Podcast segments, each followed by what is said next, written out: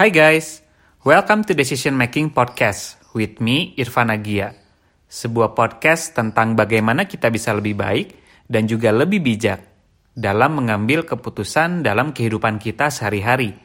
Dibahas dari berbagai perspektif, terutama keilmuan psikologi dan behavior science.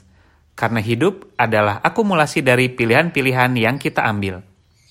Summary dari setiap episode di podcast ini akan selalu gue share di fitur Insta Stories. Jadi nanti bisa cek aja summary-nya di Instagram at irfan underscore agia.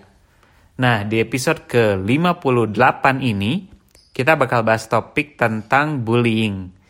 Nah, kita bakal bahas apa sih sebenarnya bullying itu, dan yang paling penting juga kenapa sih orang itu melakukan uh, perilaku bullying dan gimana sih kita bisa menghandle orang-orang yang melakukan perilaku tersebut. Dan bahkan mungkin bisa jadi tanpa kita sadari kita juga melakukan bullying ya kepada orang lain. Gitu gimana cara kita recognize dan juga stop this pattern ya intinya. Nah, kita mulai dari definisi yang paling dasar dulu tentang apa sih sebetulnya bullying itu sendiri.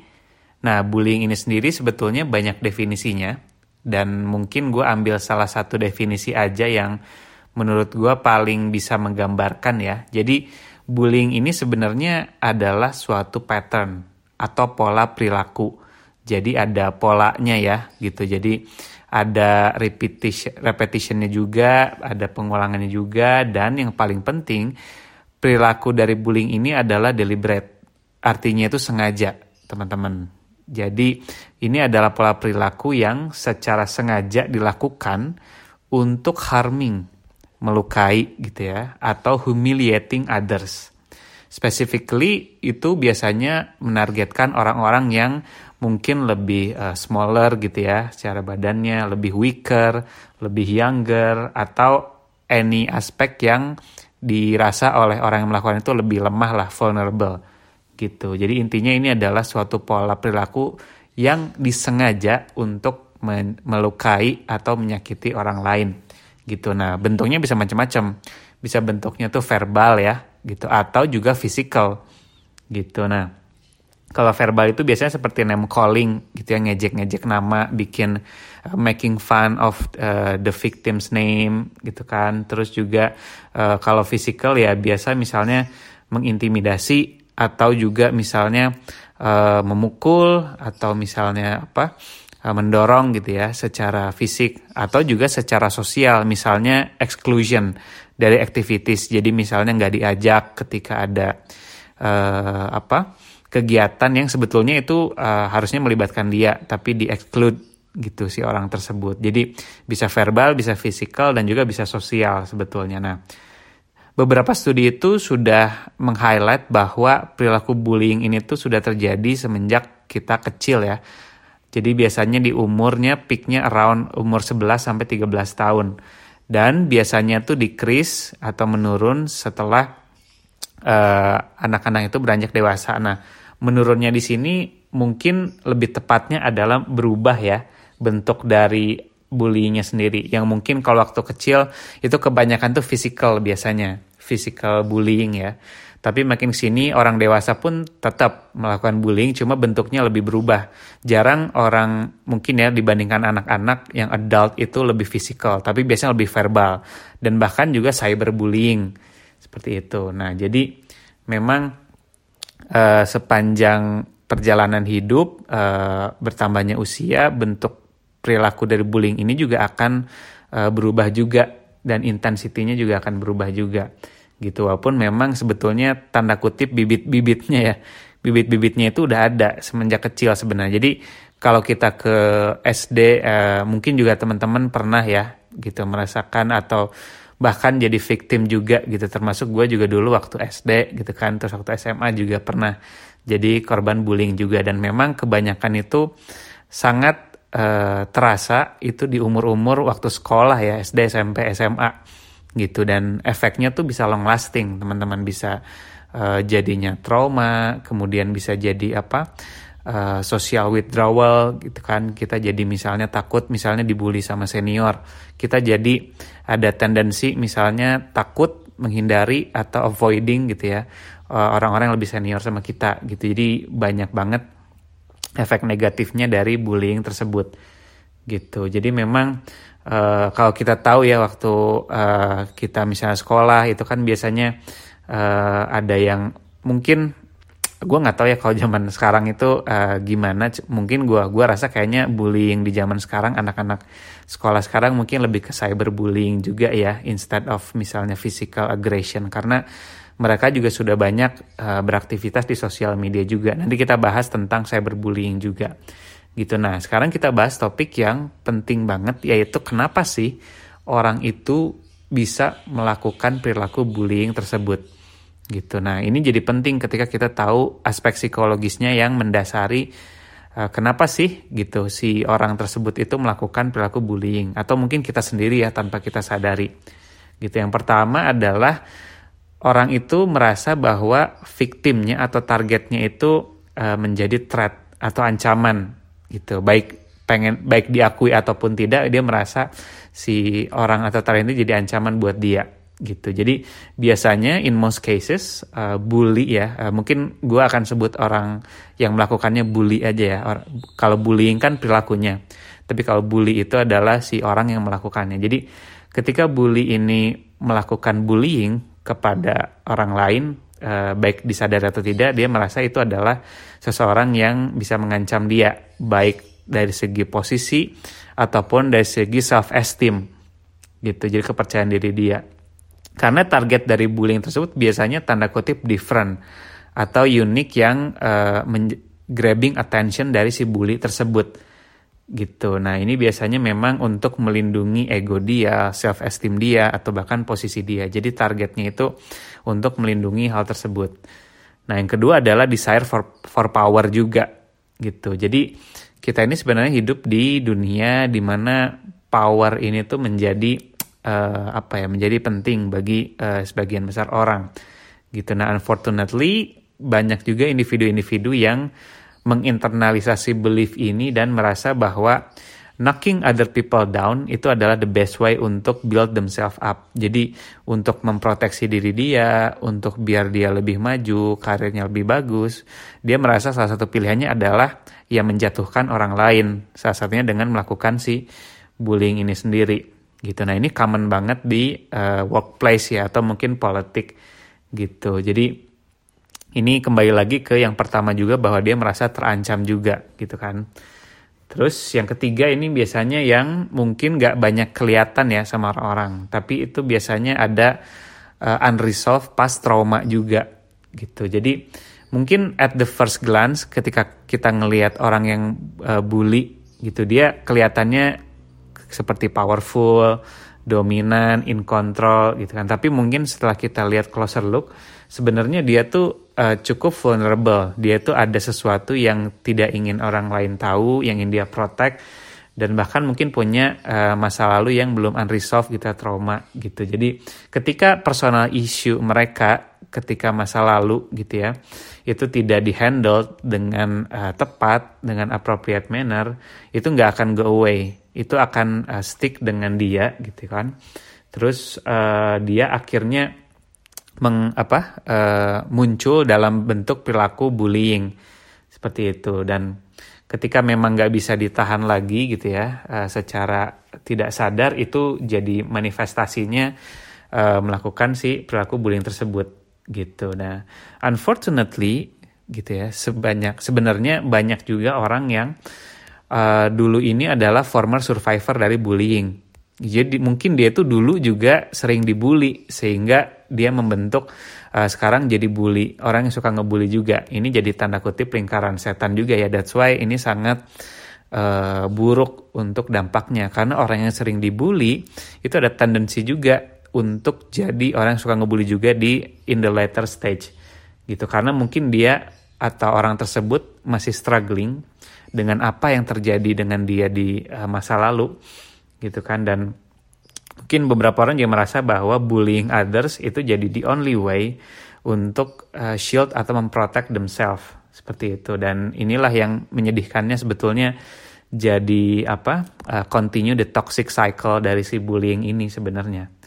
Gitu. Nah Uh, sekarang juga ada banyak tren tentang sosial media ya, as we know teman-teman. Jadi sosial media ini tuh sebenarnya sebetulnya jadi double edged sword ya, atau kayak pisau bermata dua, di mana sebetulnya ini bisa membantu orang-orang itu punish si orang yang membuli, tapi juga bisa create a new type of bullying, yaitu cyberbullying yang tadi sempat dibahas juga gitu. Jadi uh, bullying ini kan sebetulnya uh, apa bisa tanda kutip kita uh, spotlight kita kasih tahu misalnya kita tahu ada orang yang melakukan bullying kita tanda kutip brought up di sosial media dibikin viral terus orangnya jadi malu si bullyingnya kan jadi itu bisa uh, apa tanda kutip mempunish uh, bully tersebut gitu. However, uh, jadinya dengan tren sosial media ini jadi banyak juga nih bentuk bullying yang uh, tidak hanya di offline tapi di online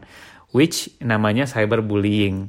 Nah, ini jadi fenomena baru in recent times semenjak ada booming sosial media, semua kegiatan kita banyaknya di handphone, di sosial media.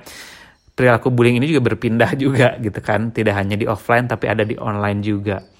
Nah, yang paling terlihat itu adalah uh, cyberbullying yang dibalik akun-akun anonim ya teman-teman jadi uh, mungkin teman-teman juga ngerasa banyak banget akun anonim di sosial media yang mungkin kalau kita lihat tweetnya postnya itu tuh uh, kayak apa harming others bikin malu orang atau misalnya uh, memfitnah. Tapi semuanya tuh pakai profile picture yang aneh gitu ya, bukan fotonya sendiri atau mungkin bahkan foto orang lain, foto telur dan lain-lain. Itu sangat anonim gitu. Nah, orang-orang yang melakukan cyberbullying di sosial media ini eh, nggak uh, harus dia tuh kenal sama orangnya gitu. Dia bisa freely bebas melakukan cyberbullying kepada siapa pun yang bermain di sosial media gitu. Dan dan ada juga orang-orang yang melakukan cyberbullying itu memang nggak perlu anonymous. Dia memang uh, orang yang ya udah pakai nama asli pakai akun asli gitu kan. Dia dia doesn't have don't have problem menggunakan nama dan juga profil profil yang memang dia gitu ya tapi memang dia pengen menunjukkan kayak uh, power terus misalnya jadi trolling dan segala macam. Jadi cyberbullying ini juga banyak juga macamnya teman-teman. Bisa misalnya apa sending uh, hurtful message terus uh, memfitnah terus threatening email spreading rumor atau posting embarrassing picture atau, uh, dari orang tersebut. Gitu. Kita tahulah gitu ketika ada beberapa cyberbullying yang terjadi. Nah kenapa sih orang-orang ini tuh bisa melakukan cyberbullying? Nah ini bisa jadi pertanyaan menarik. Kenapa? Karena ada beberapa orang yang tidak menjadi bully di real life atau di offline, tapi kalau di online itu dia bisa jadi uh, bully gitu. Jadi kan ini jadi suatu pertanyaan juga, kok bisa ada orang-orang yang sebetulnya di kehidupan sehari-hari itu tuh orangnya biasa aja gitu. Dia mungkin respectful nggak nggak banyak masalah. Tapi kalau di sosial media mungkin dia punya second account atau dia lebih aktif dan lebih vokal dan bahkan dia tanda kutip nggak ada filternya itu di sosial media. Gitu. Nah apa sih? Kenapa ini bisa terjadi? Nah ada beberapa uh, penjelasan ya yang mungkin bisa menggambarkan kenapa ini jadi tren yang terjadi. Yang pertama adalah cyberbullying itu non konfrontasional dan kita bisa anonymous. Gitu. Jadi kita bisa menjadi bully kapan pun, di mana pun di sosial media. Dan uh, kita bisa completely anonymous. Jadi ini yang nggak bisa dilakukan dalam tanda kutip tradisional bullying ya. Gitu kalau kita melakukan bullying secara offline, itu jelas banget. Kita melakukannya, kita tahu orang yang victimnya siapa, yang melakukan bullying siapa, itu jelas banget.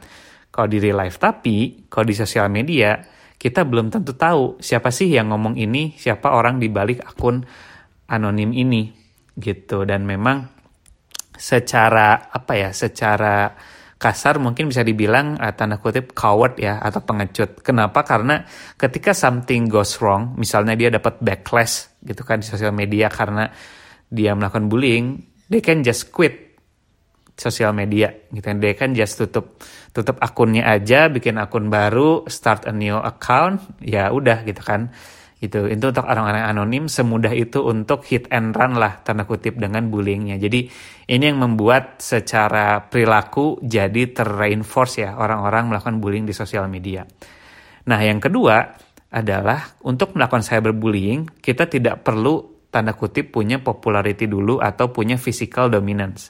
Kenapa? Karena in order to be a bully in the real life atau di offline itu biasanya kita harus punya advantage dulu nih terhadap victim kita. Ya kan? Make sense kan? Jadi kalau misalnya kita mau bullying physical, itu akan lebih mudah kita lakukan dan kita lebih pede melakukannya ketika kita secara fisikal lebih besar. Terus misalnya kita lebih populer, kita punya lebih banyak geng gitu kan.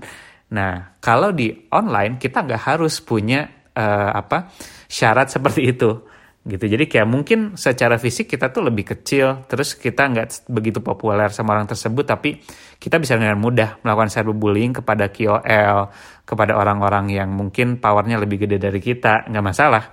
Gitu. Karena sosial media is all about uh, apa award gitu kan. Lebih tweet lebih image. Kita nggak perlu uh, punya popularity atau physical uh, dominance terhadap orang tersebut gitu. Jadi memang anyone can be a cyber bully this day. Gitu. Nah terus yang ketiga juga memang nggak ada barrier to entry. Gitu nggak ada barrier to entry. Ini artinya apa? Kayak tadi kita bisa bikin account di Twitter di Instagram di Facebook semudah itu dan kita bisa search nama orang siapa pun. Kita nggak perlu kenal dulu harus tahu orang tersebut di misalnya sama eh, sekolahnya sama kayak kita terus misalnya kerja di tempat yang sama. We can literally target anyone yang bermain di sosial media gitu. Jadi kita nggak perlu kenal dulu ya. Kalau gue misalnya mau uh, melakukan cyberbullying kepada misalnya uh, presiden Amerika gitu misalnya it's possible to do that gitu kan. Jadi it's it's no barrier there's no barrier to entry to do the cyberbullying nah terus yang terakhir yang keempat adalah nggak ada feedbacknya dari victim tersebut. Gitu kan mungkin kalau kita punching people uh, in the uh, on the face gitu kan di real life kita bisa aja dapat feedbacknya. Bisa jadi kita dipukul balik atau kita misalnya di shaming sama bystander atau orang-orang di sekitar kita gitu. Tapi kalau di sini ya uh, di sosial media mungkin ada feedbacknya ya orang-orang banyak yang nge-reply ngedukung victimnya. Tapi ya as we as we discuss ya kita tinggal log out gitu kan. Kita tinggal apa eh, nggak uh, perlu ada face to face interaction gitu kan. Dan bahkan mungkin ya gue nggak ada interest untuk memancing aja keributan gitu kan. Ya udah uh, eh, gue cuma pengen voicing my opinion di mana itu sebetulnya bentuk bullying juga.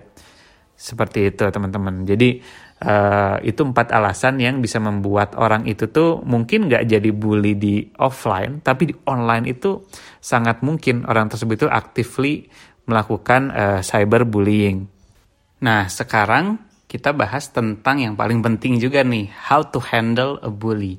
Gimana caranya kalau at some point kita menjadi victim gitu ya, atau mungkin melihat ada orang lain yang diperlakukan atau di apa uh, dilakukan bullying gitu ya kita melihat di sekitar kita gimana sih cara menghandlenya nah kalau kita misalnya jadi tanda kutip victimnya ya gitu. Yang pertama adalah yang bisa dilakukan itu adalah showing minimal reaction terhadap perilaku tersebut. Jadi kita bisa uh, do our best untuk not to showing any reaction. Just walk away. Of course, tentu aja kalau ini uh, kamu bisa lakukan ya, if you can do that gitu. Nah, uh, karena sebetulnya pada dasarnya orang-orang yang melakukan bully ini tuh dia mendapatkan satisfaction atau kepuasan dalam making other feels hurt atau uncomfortable gitu. Jadi dia tuh mendapatkan apa ya kepuasannya tuh kalau melihat orang lain itu ngerasa nggak nyaman, ngerasa tanda kutip terluka gitu. Jadi kalau kita menunjukkan reaksi tersebut atau giving them uh, the reaction itu akan hanya akan encourage them untuk uh, doing that more often gitu. Jadi uh, intinya adalah bully itu wants attention dan kita misalnya uh, showing them the the attention atau melihat memperlihatkan bahwa kita emotionally hurted gitu kan, they they will get more pleasure of doing it. Nah, tapi taktik untuk kita apa uh, just walk away gitu kan atau showing no reaction itu ada kemungkinan tetap backfire juga ya. Kenapa? Karena it depends on the bully and the context atau situationnya. Gitu. Jadi bisa jadi ada aja uh, bully-bully yang memang uh, jadinya ngerasa safe gitu kalau dia tuh melakukan bullying kepada kita ya karena dia nggak ada reaction juga kok dia misalnya uh, dia seneng kayaknya dia biasa aja kalau di digituin gitu. Nah, kalau ignoring them itu tidak bekerja, if ignoring them doesn't work, kita harus bisa confront them dengan komunikasi asertif dan tetap unemosional ya gitu. Jadi kayak kita bisa aja bilang misalnya, hey I think your tone is inappropriate. Misalnya kalau dia verbal abuse gitu kan. Jadi kita bisa kasih aja feedback, kasih reaction kita apa dan uh, tetap unemosional gitu. Nah, Uh, yang penting juga poin ketiga adalah gimana caranya kita bikin coping mechanism juga terhadap uh, kepercayaan diri kita gitu karena setiap orang itu uh, pasti punya inner strength ya atau kekuatan dalam diri mereka yang itulah yang jadi sasaran sebetulnya si bu si bully-bully ini gitu. Jadi uh, the problem with bullying adalah orang-orang ini tuh pengen making us feel we are lack of strength. Gitu. Kita jadi jadi ngerasa uh, lemah weak nggak punya misalnya apa confidence dan lain-lain. Itu tujuan mereka. Tapi that's not true. Gitu. Kenapa? Karena kita harus tahu juga gitu ya inner strength kita itu apa gitu kan. Jadi if we believe that we are stronger than we are and and maybe from they are gitu ya kita akan lebih uh, lebih tanda kutip coping mekanismenya lebih kuat ketika terjadi si bullying ini gitu. Kemudian uh, tips lain adalah stay connected. Kita harus punya uh, social circle kita, kita harus punya relationship, kita harus punya network yang bisa kita count on, gitu. Karena orang-orang yang ngebully ini tuh uh, salah satu tujuan yang lain itu adalah making the victim victim itu tuh feel alone atau ngerasa sendirian atau powerless gitu. Nah, victim ini dia bisa reclaim the power ketika mereka itu making and maintaining uh, social connection dengan teman-teman yang mereka percayai atau uh, orang tua mereka gitu. Jadi uh, inilah yang menjadi strengthnya untuk victim juga gitu. Jadi the way to deal with bullies misalnya kalau di workplace ya atau tempat kerja is to unite with your coworkers atau kolega-kolega teman-teman yang lain gitu. Jadi dengan kita grouping gitu ya against the bully itu akan mem memprovide victims ini tuh uh, support gitu kan dengan uh, network atau uh, social circle mereka seperti itu. Terus untuk kalau misalnya kita menjadi korban di cyberbullying, kita harus dokumen every details gitu. Jadi make sure uh, karena ini terjadi di sosial media atau mungkin lewat email, kita harus nge-record tuh setiap uh, perilaku, setiap message, setiap hal-hal yang uh, kita rasa itu bullying kepada kita, gitu kan, baik itu lewat text message, messenger, Facebook, Instagram, DM atau email, gitu, text screenshot, keep folder, uh, biar bisa menjadi evidence yang bisa kita pakai di kemudian hari, gitu. Terus juga consult nih kepada authorities atau authority figure gitu. Jadi consider orang tua kita atau school guidance kalau teman-teman masih sekolah atau kuliah atau misalnya HR, HR team di tempat kerja atau bos gitu ya. Uh, atau someone else yang kita rasa bisa dealing atau punish si bully ini dan protect our safety gitu. It's important untuk uh, kita uh, ceritakan, kita juga consult apa yang kita rasakan. Jadi ini tuh bukan sesuatu yang cowardly. Kita tidak jadi pengecut dengan tanda kutip uh, melapor ya gitu. Justru ini tuh adalah this is a brave action yang kita ambil karena kita berani untuk come forward dan uh, menunjukkan ya kita juga vulnerable gitu kan. Seperti itu. Jadi uh, intinya adalah gimana caranya kita bisa berani mengambil sikap, mengambil keputusan dan juga jangan takut untuk consult gitu. Nah, untuk company sendiri gitu ya untuk memprevent bullying ini ada di workplace harus bikin culture budaya atau a policy aturan tertulis dan punishment untuk uh, pelaku-pelaku tersebut.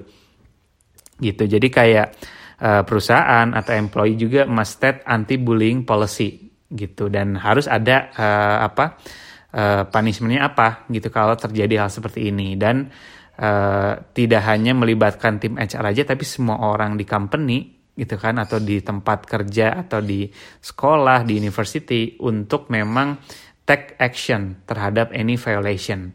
Gitu. Nah yang terakhir ini last but not least adalah kalau kita sebagai orang tua. We must teach our children karena orang tua itu tuh punya massive role dalam bullying behavior.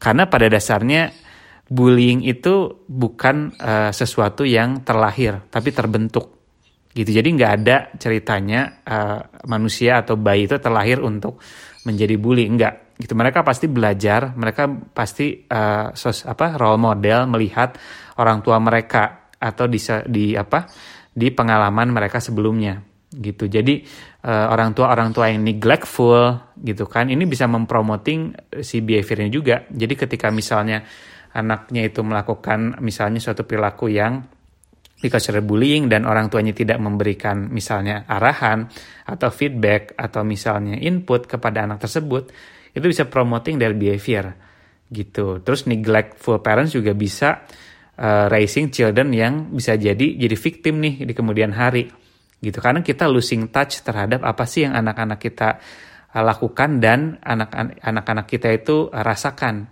selama uh, sekolah seperti itu. Jadi Uh, kemudian juga orang tua yang terlalu over autoritatif juga bisa membentuk uh, anaknya menjadi bully juga gitu for a few different reasons gitu. Salah satunya mungkin ketika orang tuanya agresif terus kasar atau bahkan main fisik gitu kan they essentially model how to be a bully gitu kan. Inilah yang akan di apa ya dirasakan gitu. Jadi either dia menjadi victim bully atau jadi dibully uh, himself atau herself. Seperti itu. Jadi uh, orang tua kita, uh, kita sebagai orang tua juga harus memberikan juga uh, equip them with uh, socially skill uh, apa uh, yang bisa mereka lakukan di uh, tempat sekolah mereka gitu. Jadi kayak biar anak-anak ini punya social skill yang bagus, itu bisa develop confidence dan juga teach respect gitu karena setiap orang itu berhak diperlakukan sama tidak diskriminasi dan juga kita harus uh, uh, kasih tahu nih apa-apa saja yang boleh dan tidak boleh dan yang paling penting impactnya apa kepada mereka seperti itu. Jadi itu tadi yang udah kita bahas di topik kali ini tentang bullying. Semoga bisa memberikan perspektif lain dan juga sebagai reminder ya, karena uh, bisa jadi kita pun juga melakukan cyberbullying misalnya tanpa kita sadari. Walaupun mungkin kita ngerasa nggak pernah kok gitu ya di kehidupan sehari-hari kita melakukan bullying. Tapi mungkin di sosial media juga kita tidak disadari melakukan hal tersebut gitu. Nah untuk episode selanjutnya gue bakal bahas topik tentang critical thinking. Jadi gimana caranya kita bisa lebih kritis apa aja yang harus kita perhatikan dan uh, benefit untuk kita punya uh, apa pola pikir kritis banyak mempertanyakan sesuatu nggak nelan mentah-mentah gitu ya apa aja sih gitu. Dan gimana kita develop uh, skill tersebut Oke, itu aja. Jadi sampai jumpa di episode ke-59. Kalau ada request atau top, atau masukan tentang feedback, topik podcast yang lain yang pengen dibahas, boleh banget email atau message gue di Instagram at irfan underscore agia.